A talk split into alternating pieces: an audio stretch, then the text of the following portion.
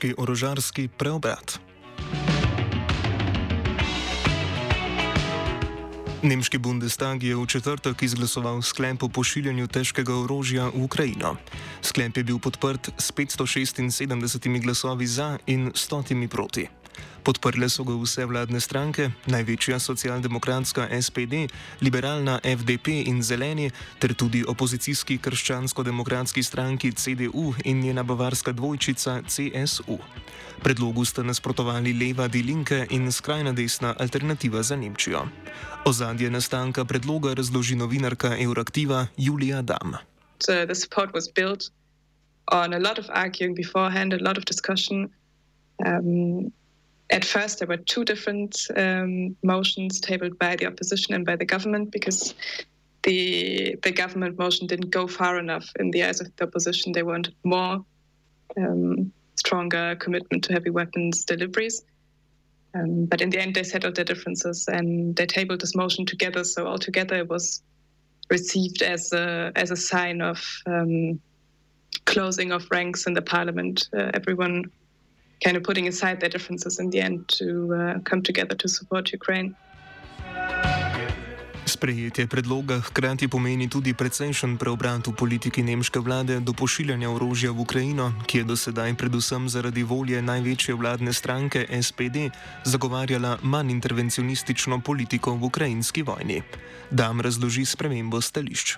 The Ample coalition has been quite split recently leading up to this decision.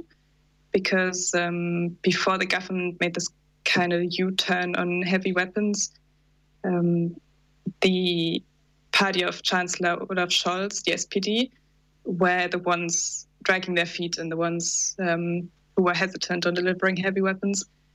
And um, the Greens and the Liberals, so the two junior partners in the coalition, were quite strongly in favor of it, even though the higher ups in the government didn't say it as blatantly but it was quite clear that it was them in favor of it and um, putting pressure also on the SPD. And you could see this distinction also in the approval ratings of the different ministers. So during these weeks, um, the Green ministers, for example, um, had higher approval ratings, while uh, Scholz was losing out and really wasn't doing as well. And they had quite the quite the gap in between them. So um, it could be that Scholz can now catch up to them again because the government is seen as um, uh, as coming together again. Odločitev je velika tudi skozi prizmo nemške zgodovine, predvsem druge svetovne vojne. Ben Harris, urednik portala BNE in Telenews, razloži izvor nemške nenaklonjenosti pošiljanju orožja.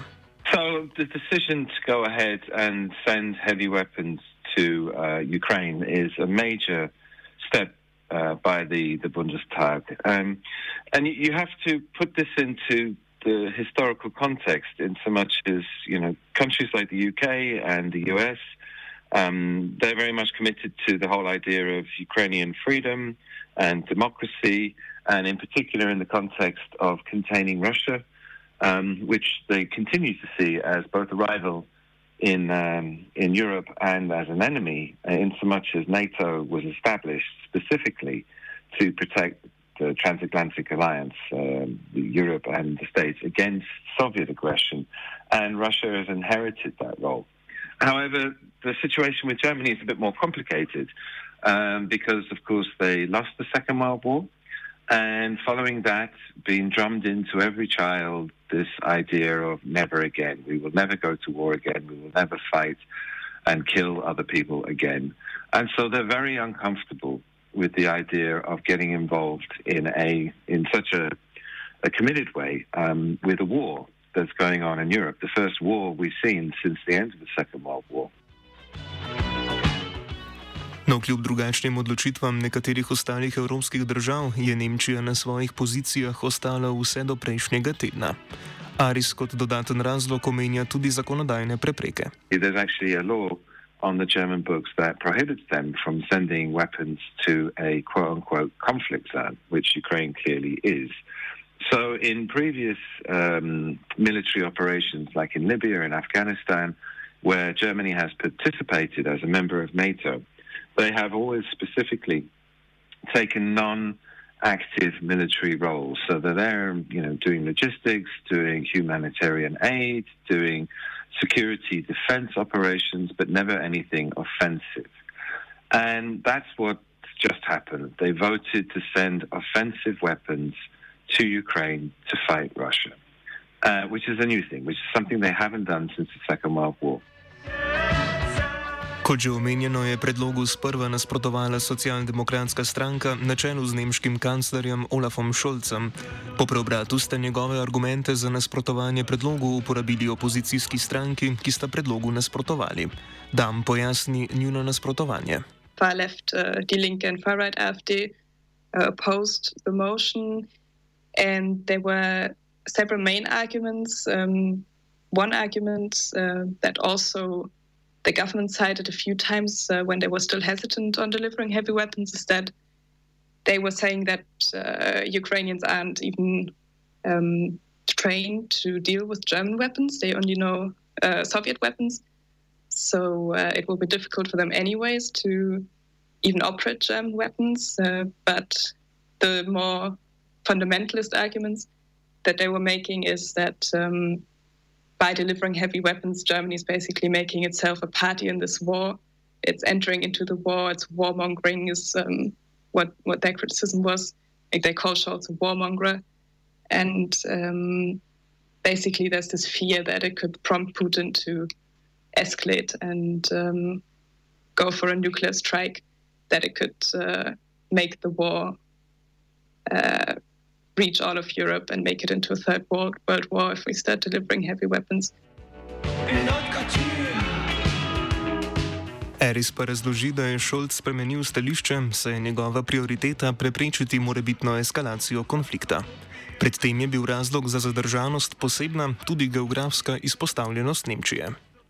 Scholz in particular has said, look, Germany's top priority is not stopping the war, it's making sure that there's not a third world war. And he's very conscious of the fact that this conflict in Ukraine, which up until now has been contained within Ukraine's borders, could spill out into the rest of Europe. That there's a chance that a NATO facility or NATO assets or a NATO country gets attacked.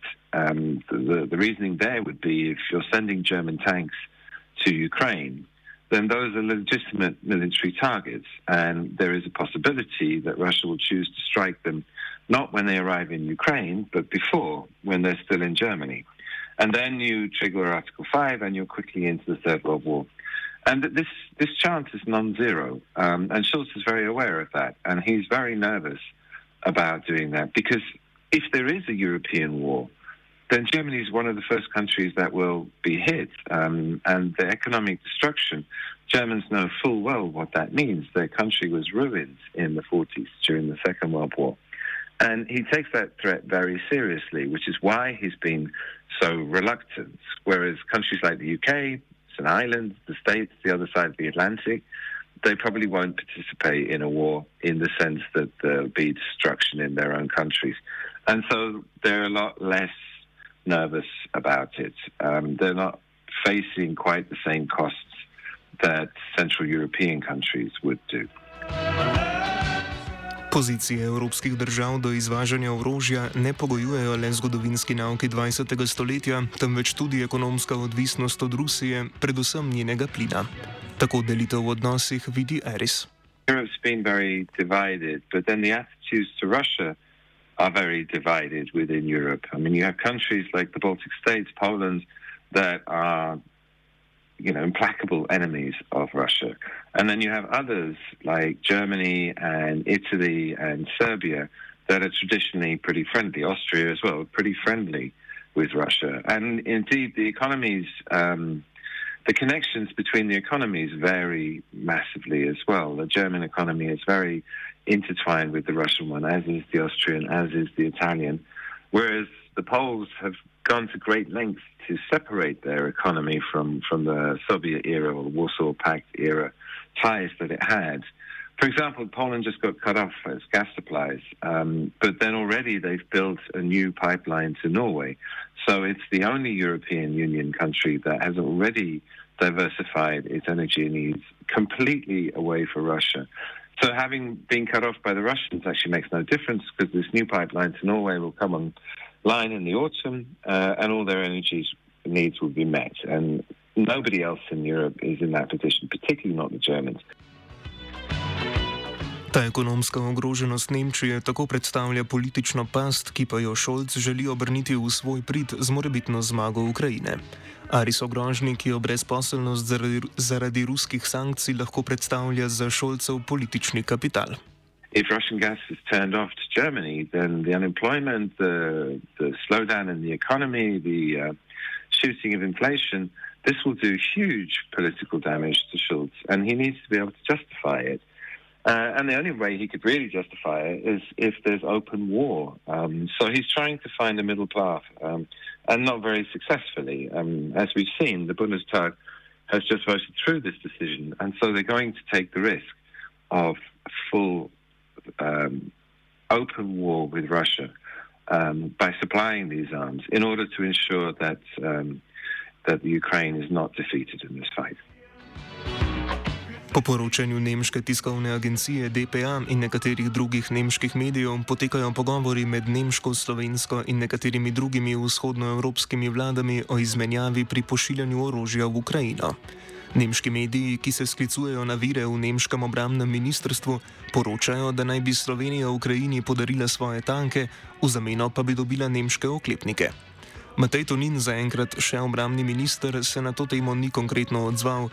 Ministrstvo za obrambo je pojasnilo le, da z nemško vlado potekajo različni pogovori o sodelovanju pri pošiljanju orožja. Nekdani pomočnik nemške vojske Wolfgang Richter, ki je danes kot raziskovalec zaposlen na Nemškem inštitutu za mednarodna in varnostna vprašanja, pojasni smiselnost takšne izmenjave.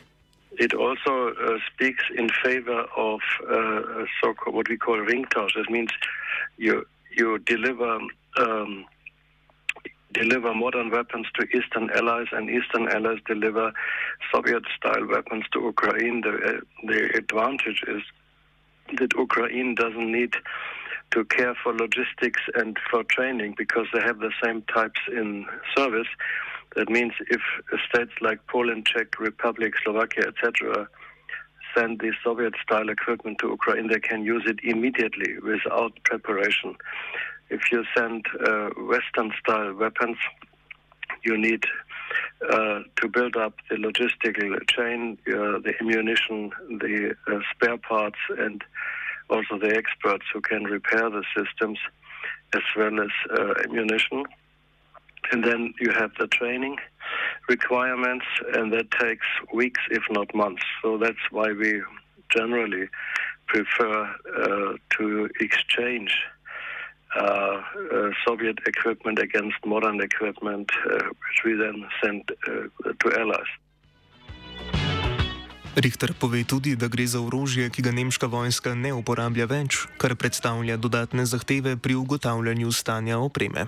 So if you speak about sending, for example, uh, uh, uh weapons or heavy uh, armored infantry fighting vehicles like Marder or even uh, Leopard tanks, then one has first to to find out in which status they are, because these are uh, weapons that are not in service anymore in the Federal Armed Forces. They are in depots, and that means they are not maintained well. That means you have to bring them up to uh, uh, in a good shape again, and then find out what ammunition is still available, uh, spare parts, logistical requirements, and then you talk about. Uh, training for Ukraine. So this is a process that takes longer time. So Še bolj kot Evropa so se v rusko-ukrajinsko vojno odločile poseči Združene države Amerike. Ameriški predsednik Joe Biden je kongresu predlagal, da prejme 31 milijard evrov težek paket finančne, vojaške in ekonomske pomoči v obliki tankov, protitankovskega orožja, druge vojaške opreme in finančnih sredstev. Eris pravi, da bi bila tako obsežna pomoč lahko bistvena za Ukrajino. This 33 billion that the, um, gem, that the Americans have just proposed to, to spend is a game changer. It, it's a it's a scaling up uh, of an order of magnitude of the support. It says a lot of things about how attitudes have changed in the last few weeks. This 33 billion is five times more than the 4 billion Americans already spent on military aid, of which they spent 1.6 billion in just the last two weeks. So the spending was already accelerating. But to go from 4 billion to 33 billion in one step is an enormous increase. That's also eight times more than the entire Ukraine defense budget. And it's, it's just over half of what Russia spends on its military each year. And that includes, you know, the nuclear capabilities, the um, all of the barracks, the stations, the navy, everything. So 33 billion is a hugely significant amount of money, and it suggests very strongly that um, peace negotiations are now stopped. That the Americans um, think this war is going to continue for many months, if not longer, and that they're not prepared to see Ukraine lose. Eris je prepričan tudi, da bo ameriški denar zagotovilo, da bodo Ukrajinci ustrajali v vojni, kar bo Putina prisililo, da bo zaradi pomankanja sredstev odnehal. That money is there to ensure that Ukraine will keep fighting until the Russian army collapses. And the Russians are spending something on the order of half a billion dollars uh, a day on this fight. And they can't keep that up indefinitely. I mean, the experts think that they can do it for a few months, and then this offensive effort will be spent. And at that point, Putin will have to sue for peace because they can't afford to, to run this war indefinitely without general mobilization, without putting Russia onto a war footing, without formally declaring war against Ukraine and having conscription in the whole nine yards, which also remains a possibility. Offside je pripravil.